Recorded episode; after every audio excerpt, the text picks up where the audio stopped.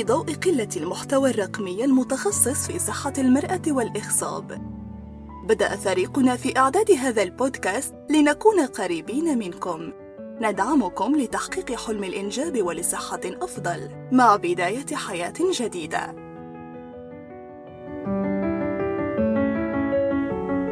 السلام عليكم ورحمة الله وبركاته. أهلا وسهلا بكم في آه، لقاء متجدد آه، نحاول آه، من خلاله إن إحنا نجيب على تساؤلاتكم. طبعا ما شاء الله عليكم تفاعلكم جدا ممتاز وردودكم الإيجابية تحفزنا إن إحنا نستمر في موضوع التثقيف الصحي سواء كان الأمور المتعلقة بصحة الأم أو صحة الجنين. ف بما إنه من أسبوعين كان في يوم آه، عالمي خصصوه للتوعية آه، بخطورة آه، ضغط الحمل حبينا إن إحنا نعطي تغطية مختصرة عن خطورة ارتفاع الضغط أثناء الحمل سواء كان خطورته ومضاعفاته السلبية المتعلقة والمنعكسة على الأم أو على الجنين. فبالنسبة لضغط الحمل نسبة حصوله في الحوامل تتراوح ما بين اثنين إلى ثمانية في المية. وضغط الحمل معروف بخطورته ومضاعفاته السلبية على صحة الأم وعلى صحة الجنين. عشان كذا عالميا خصصوا يوم للتوعية بخطورة هذه الحالة. من الأسباب التي تؤدي إلى ارتفاع ضغط الحمل هو عدم قدرة المشيمة إن هي تنغرس أو عدم حصول اللي هي التغيرات الطبيعية الفيزيولوجية اللي عادة تحصل أثناء تداخل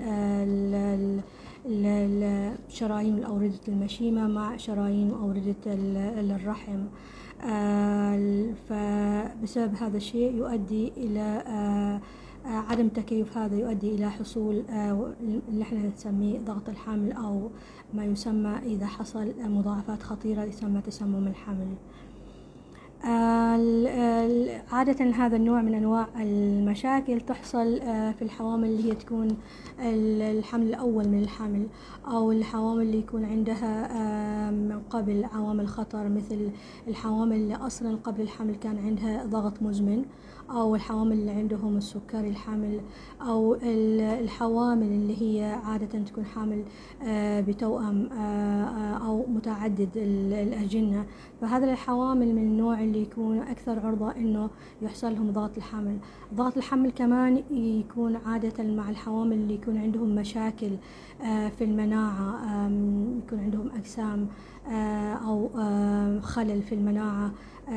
هذا أحد الأسباب الذي يؤدي إلى حصول آه، ضغط الحمل. من الأسباب الثانية التي قد تؤدي إلى حصول ضغط الحمل ضغط الحمل معروف أنه يحصل أكثر شيء كمان في الحوامل اللي يكون عندهم مؤشر السمنة مرتفع فهذا أيضا عرضة أنه يحصل لهم ضغط الحمل. آه ليش ضغط الحمل خطير أثناء الحمل؟ مثل ما خبرتكم إنه ضغط الحمل له مضاعفات سلبية على الأم.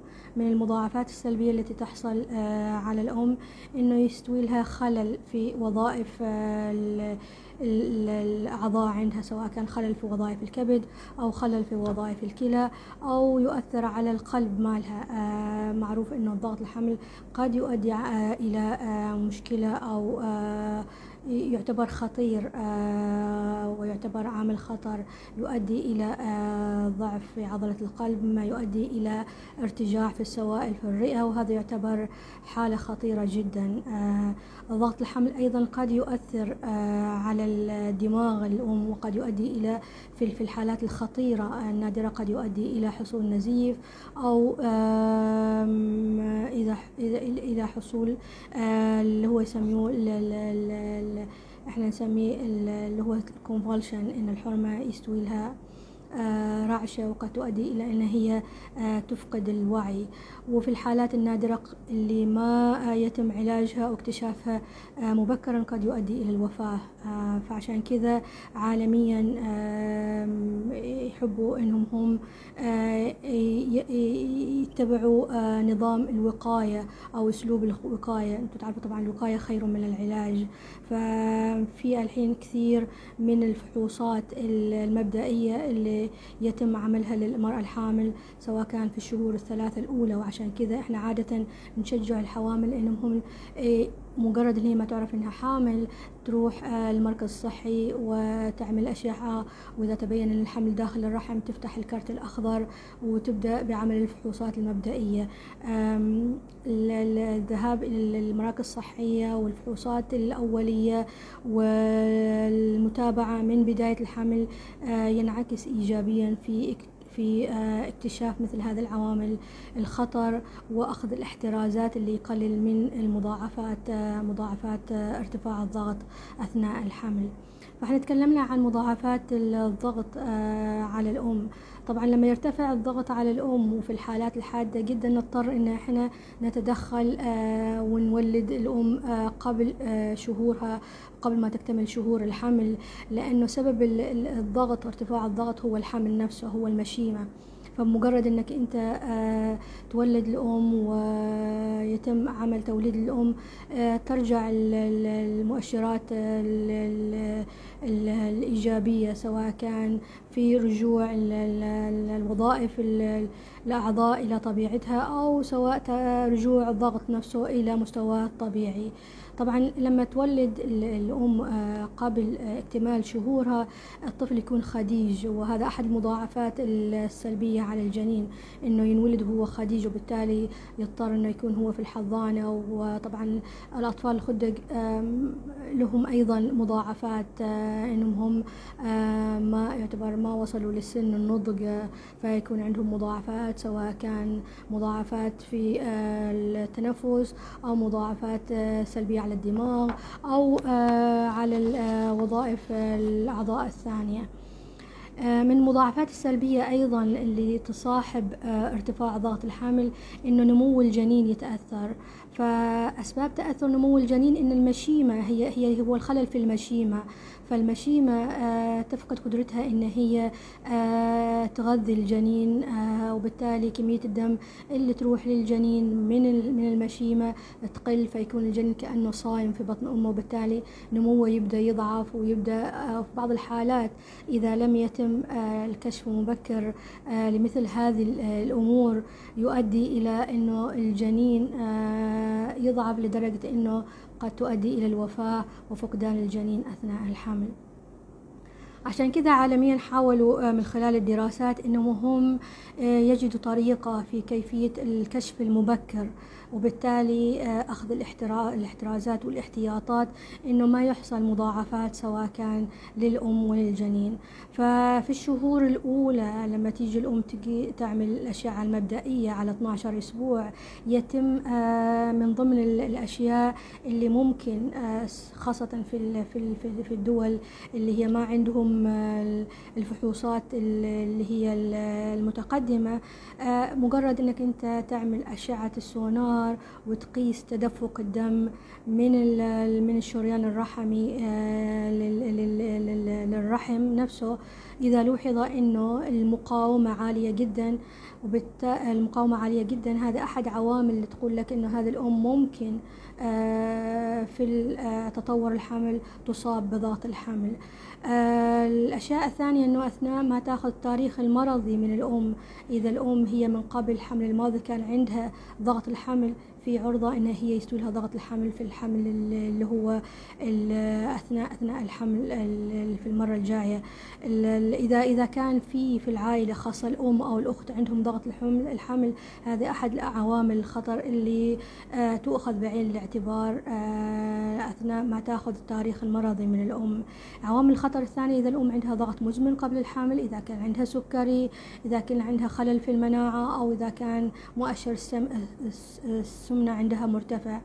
فكل هذه الأسباب التاريخ المرضي مع وزن الأم مع قياس الضغط أثناء الحمل مع قياس تدفق الدم آه، من خلال الشريان الرحمي.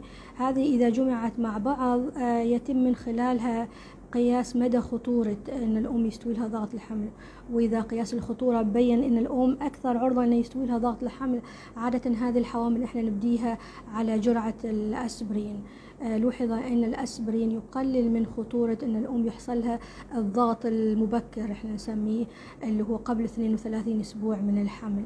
فهذا الحوامل إذا بدوهم على جرعة الأسبرين على 16 أسبوع واستمرت معاه لحد 36 أسبوع لاحظت الدراسات أنه يقلل من خطورة أنه يحصل للأم ضغط الحمل وكمان لوحظ أنه هو يقلل من أنه الجنين نموه يتأثر. آه، فعشان كذا الفحص المبكر لمثل هذه الأمور والمضاعفات اللي تحصل أثناء الحمل جدا مهم في الوقاية وفي تقليل آه، نسبة الخطر التي قد تنعكس على آه، صحة الأم وعلى صحة الجنين.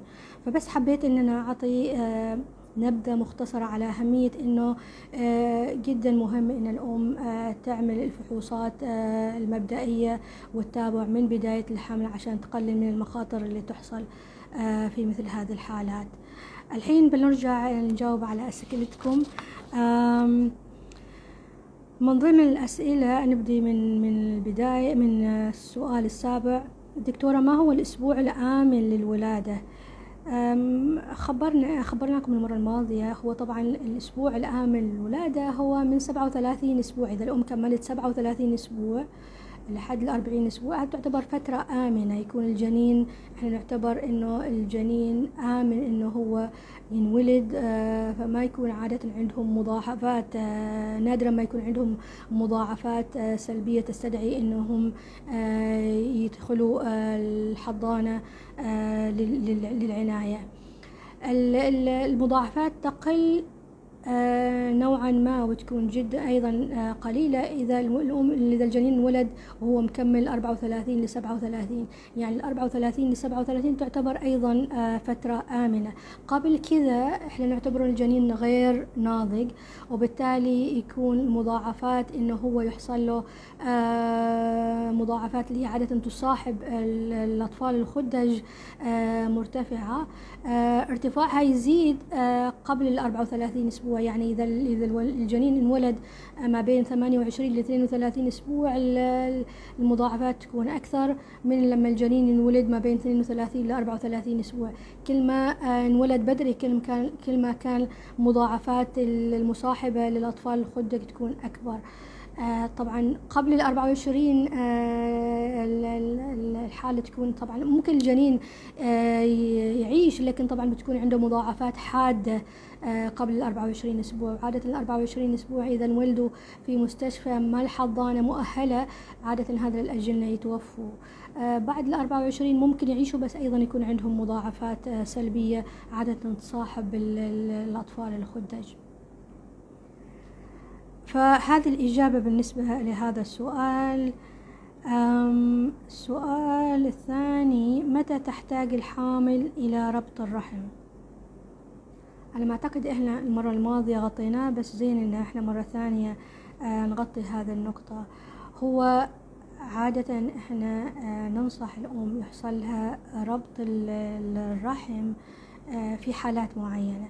إذا كان التاريخ السابق آه، الأم كان عندها ولادات مبكرة بمعنى ولادات قبل ال 32 34 أسبوع من الحمل أو إذا كان عندها إجهاضات متكررة إجهاضات متكررة بمعنى أنه أكثر من إجهاضين يحصلوا آه، في الثلث في الثلث الثاني والثلث الثالث آه، من الحمل آه، أو إذا كان عندها ولادات مبكرة هذه أحد الأسباب اللي تستدعي الربط. طبعا إحنا إذا كانت الحرمة عندها ولادة مبكرة واحدة وكانت بعد ال 34 أسبوع أو إذا كان عندها إجهاض واحد في النص الثاني من الحمل والإجهاض ما مبين إنه سببه ضعف عنق الرحم هذا الحوامل عادة إحنا نتابعهم بقياسات الرحم عنق الرحم من 12 أسبوع كل أسبوعين ثلاثة أسابيع. وعادة الحرمة نخيرها نقولها إنه من التاريخ المرضي ما مبين إنه سبب عنق الرحم ومن قياس الأشعة ما مبين إنه سبب العنق الرحم لأنه عنق الرحم طوله أكثر من اثنين ونص سنتي. فإذا المتابعة وقياسات الرحم كل أسبوعين مبينة إنه عنق الرحم ما يقصر هذه مجرد بس آه، لاحظها. لكن إذا الأم آه، من التاريخ المرضي مبين إن الولادة صارت قبل 32 أسبوع وتقول لك إن هي فجأة انفتح عليها عنق الرحم أو حصل إجهاض. آه، يعني حصل بدأها يعني نزل عليها دم أو نزل عليها ماء وراحت المستشفى وقالوا لها عنق الرحم مفتوح. هذا شوية يعطيك هنت إنه احتمال السبب هو ضعف عنق الرحم. فإذا كان عندها تاريخ مرضي واحد إحنا نقيس عنق الرحم ونعطيها خيار يا إما إحنا نعملها ربط أو إن نبديها على مثبتات مهبلية تأخذها يوميا ونتابع عنق الرحم كل أسبوعين ثلاثة أسابيع. لوحظ إنه المثبتات المهبلية آه، تأثيرها أو نسبة قدرتها إن هي تقلل من الخطورة تقريبا مقاربة لربط عنق الرحم. آه، بس إذا هذا الأم مع وجود المثبتات آه لوحظ انه عنق الرحم يكسر طبعا في هذه الحالات نضطر ان إحنا نسوي ربط الرحم. طبعا ربط عنق الرحم ما مية في المية يمنع الإجهاضات هو فقط يعني يعالج إذا كان السبب ضعف عنق الرحم. بس طبعا الإجهاضات المتكررة والولادات المبكرة لها واجد أسباب. المرة الماضية إحنا تطرقنا ليها. فالربط عنق الرحم الرحم يعالج سبب معين اللي هو لما يكون سببه ضعف في عنق الرحم. عشان كذا ما مية في المية يمنع الولادات المبكرة لأنه الأسباب كثيرة. فإحنا نعالج سبب معين ما نعالج كل الأسباب. يعتمد على التاريخ المرضي ويعتمد على التغيرات اللي نحن نلاحظها مع المتابعة الدورية سواء كان بالسونار أو آه، بالفحص الدوري. لكن إذا كانت الأم تجيك وتقول لك إن هي عندها ولادتين مبكرات والتاريخ المرضي يثبت إنه السبب هو احتمال كبير ضعف عنق الرحم فهذا لا مباشرة إحنا نعمل ربط الرحم. ربط عنق الرحم يكون من 12 آه، أسبوع لحد ال 24 أسبوع. بعد كذا ما نعمل لأنه يكون الحمل اوريدي يعني 24 أسبوع يعني خلاص في مراحله المتقدمة وصعب إنك تعمل بعد ال 24 أسبوع ربط عنق الرحم. في دول يعملوا لحد 26 أسبوع. فهو يعتمد على البروتوكول المتعا... اللي المتبع في ال... في ال... في ال... في. في. في. في الدول هذا بالنسبة لربط سؤال آه، متى تحتاج الحامل إلى ربط الرحم آه، السؤال اللي بعده أثر السمنة على الحمل هذا سؤال آه، جدا ممتاز طبعا هو السمنة لها تأثيرات سلبية سواء كان قبل الحمل أو بعد الحمل تأثيراته تنعكس على الأم وتنعكس على الجنين. طبعا السمنة أنتم عارفين يعني السمنة عادة يصاحبها كثير آه، مشاكل آه، مرضية سواء كان ارتفاع في الضغط أو الأم تكون أكثر عرضة يسوي لها سكر الحمل ارتفاع في الضغط السمنة نفسها مع الحمل تقلل من آه، قدرة الأم على على آه، تحمل المضاعفات اللي تحصل أثناء أثناء الحمل. بالإضافة إنه السمنة نفسها تخلي الأم أكثر عرضة إنه يحصل لها آه، إنها تكون أكثر عرضة إنها تولد بعمليات قيصرية أو يحصل لها مشاكل أثناء أثناء أثناء أثناء الولادة. فعادة إحنا الأم الأمهات ننصحهم إنهم قبل الولادة يحاولوا إنهم هم ينقصوا وزنهم قبل عن الحرمة آه، آه، تخطط أنها هي تحمل آه، لأنها السمنة نفسها لها مضاعفات كثيرة سواء كان على الأم أو على الجنين. من مضاع... طبعا لما الأم يحصل لها المضاعفات هذه المرضية اللي هو سواء كان ارتفاع في الضغط أو آه، ظهور سكر الحمل أو آه، بعض الأحيان السمنة نفسها الأم تكون أكثر عرضة إنه يحصل لها تخثرات وهذه هذه هذه تعتبر ظاهرة جدا خطيرة إذا حصلت للأم أثناء الحمل لأن التخثرات اللي تحصل تبدأ بتخثرات في الرجول في الأوردة الموجودة في الرجول وبعدين الأوردة آه، ومع الدورة الدموية هذه التخثرات آه، ترتحل لحد ما توصل للرئة وتسبب وتخثرات لما توصل للرئة تعتبر حاجة خطيرة جدا ممكن تؤدي إلى الوفاة إذا لم يتم اكتشافها. وعادة هذا الأمهات يجوك يقولوا لك مثلا آه إحنا عندنا آلام في في في, في الرجول. طبعا آلام فجأة تحصل وتبدأ الرجل آه تورم. وبعدين إذا إذا إذا هذه التخثرات آه حصل ارتحال ووصلت للرئة يبدأ الأم يحصل لها آه إيش يسموه اللي هو shortness of breath تبدأ تحصل يحصلها عدم قدرة على التنفس حصول مفاجئ إن هي ما تقدر تتنفس أو يحصلها ألم في الصدر. فهذه مؤشرات عادة جدا خطيرة والأم يستدعي إن إحنا ننومها ويبدوها على المسيلات الدم عشان يقلل من احتمالية الحصول خطورة أكثر إنها هي تفقد تفقد حياتها. عشان كذا هذه الأيام إذا لاحظتوا في ال في ال في ال في الملف الأخضر اللي عادة إحنا نعطيه الحوامل عادة في مؤشرات خطر آه، يتم احتسابها. يعني مثلا من ضمن مؤشرات الخطر إنه إذا مؤشر السمنة مرتفع لدى الأم وإذا عمرها أكثر من 35 سنة وإذا أكثر من إذا إذا هي حامل أكثر من من خمس مرات هذه الثلاث عوامل تخليك تقول لك إنه هذه الأم لابد إنه يبديها على نبديها. على آه، اللي هو آه، الهيبارين اللي هو الإبر المسيلات تأخذها يوميا عشان يقلل من خطورة إن هي يحصل لها مضاعفات اللي هي مضاعفات التخثر اللي قد يؤدي إلى إلى الوفاة. فهو جدا مهم. عشان كذا جدا مهم إن الأم أول ما تعرف إن هي حامل جدا مهم إن هي تلتزم بالمتابعات الدورية سواء كان في المراكز الصحية أو في المستشفيات أو إذا كانت تتابع في آه، مستشفيات خاصة أو مراكز خاصة.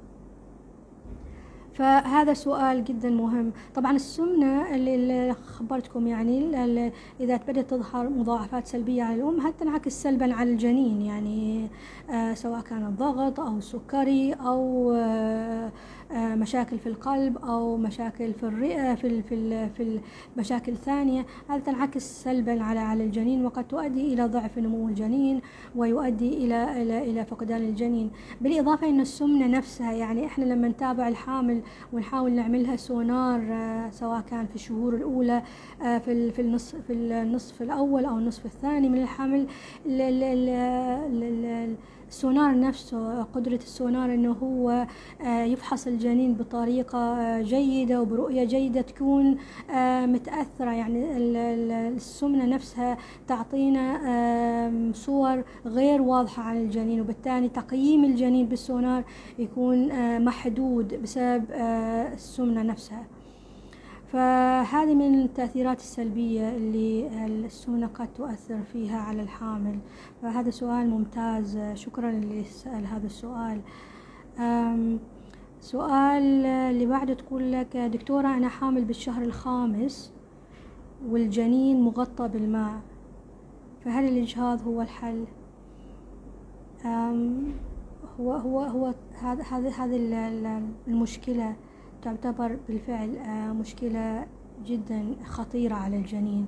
يعني إذا إذا ظهر الماء آه، في الشهر الخامس الشهر الخامس بعده يعني في بدايات الحمل معظم هذا الحوامل يا إما إنهم يفقدوا الجنين أو حتى إذا استمر الحمل الجنين آه، تبدأ عضلات قلبه تضعف وانتفاخ الجنين نفسه بالسوائل يؤثر سلبا على الأم. يعني الأم قد ينعكس آه، حاجة يسميوها ميرور سيندروم يعني إذا الجنين ظهر عليه سوائل الأم تبدأ تظهر عليها السوائل وقد يؤدي إلى ارتفاع لضغط الحامل وقد يؤدي إلى حالة يسميوها تسمم الحامل وهذا حالة خطيرة تستدعي أن إحنا آه، نقوم بعملية التوليد المبكر أو الإجهاض عشان نحافظ على صحة الأم ونمنع أنه يحصل آه، مضاعفات سلبية على الأم. فطبعا ظهور الماي في الأجنة له واجد أسباب. خمسين خمسين في المية إحنا ما نعرف الأسباب سبحان الله. لكن في خمسين في المية تكون الأسباب معروفة. من ضمن الأسباب الشائعة اللي هي طبعا الأنيميا حادة آه، لما يكون في اختلاف في فصيلة الدم بين بين الأم والأب.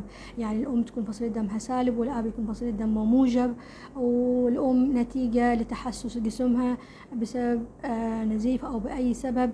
آه، تقوم يقوم جسمها بإنتاج أجسام مضادة تهاجم الجنين وتسبب آه، أنيميا الأنيميا تؤثر على قلب الجنين تؤدي إلى ضعف في قلب الجنين ويبدأ الجنين يحصل له تجمع سوائل سواء كان في بطنه أو في صدره أو حوالين قلبه وتبدأ عضلة القلب تضعف وتؤدي إلى الوفاة.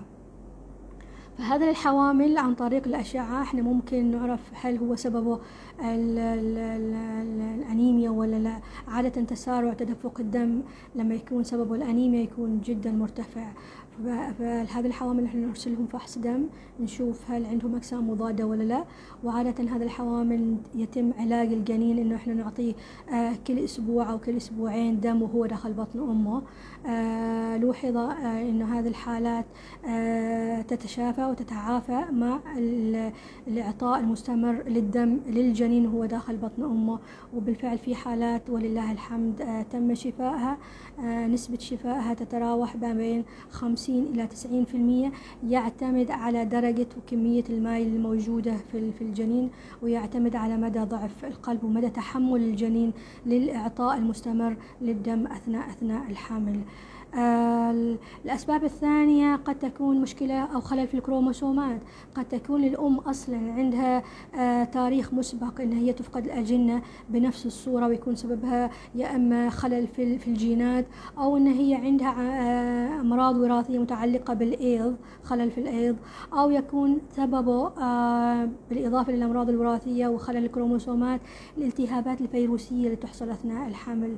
في نوع من أنواع الالتهابات الفيروسية قد آه، تؤثر على القلب وتؤدي إلى ضعف في عضلة القلب وتؤدي إلى احتباس السوائل في جسم الجنين آه، ويؤدي إلى الوفاة. كما أن نوع من أنواع الفيروسات أيضا يؤدي إلى الإصابة بأنيميا حادة. هذا النوع من الأنيميا الحادة إحنا ممكن علاجها لكن الفيروسات اللي تؤثر سلبا على القلب صعب أنك أنت آه، تعالجها لأنه يكون القلب اوريدي متأثر.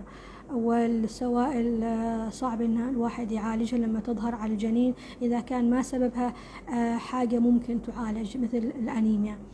الأسباب الأخرى التي تؤدي إلى ظهور السوائل في الجنين هو القلب نفسه في في في آه، اعتلالات في القلب.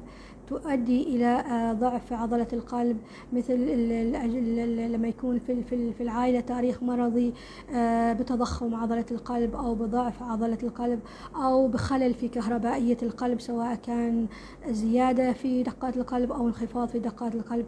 كلتا الحالتين يؤدي إلى أنه الجنين يصاب آه، باحتباس في السوائل. وبالتالي إلى إلى فقدان الحمل. فهذه من ضمن الأسباب اللي إحنا ممكن نكتشفها أثناء الحمل. لكن في أسباب يكون صعب اكتشافها لأنه ما كل الأمراض الجينية إحنا ممكن نكشفها أثناء الحمل. هذا بالنسبة لهذا السؤال. السؤال الثاني عندنا صح وقت؟ آه أوكي. السؤال الثاني متعلق بنزول المشيمة وما هي الاحترازات التي يجب على الحامل؟ أخذها بعين الاعتبار حتى لا تحدث لها مضاعفات. هذا السؤال إحنا غطيناه المرة الماضية بس زين إن إحنا مرة ثانية نغطي من باب التوعية. طبعا هي لما هو, هو إحنا خبرناكم إنه في النصف الأول من الحمل اللي هو العشرين الأسبوع العشرين أو الأسبوع العشرين من الحمل تكون معظم الحوامل المشيمة نازلة آه، فإحنا لما نلاحظ أن المشيمة نازلة في الأول عشرين أسبوع من الحمل نخبر الأم أن إحنا بنعيد لها الأشعة في الشهر الثامن. آه، اللي هو على 34 أسبوع أو 36 أسبوع عشان نتأكد إنه هذه المشيمة هاجرت لما الرحم يكبر ياخذ المشيمة معاه. فنقيس مدى آه، ابتعاد المشيمة عن عنق الرحم. إذا ابتعاد المشيمة عن عنق الرحم أكثر من 2 سنتي هذه الأم آمن إن هي تولد طبيعي. لكن إذا المشيمة ما زالت بعدها من عنق الرحم 2 سنتي وأقل.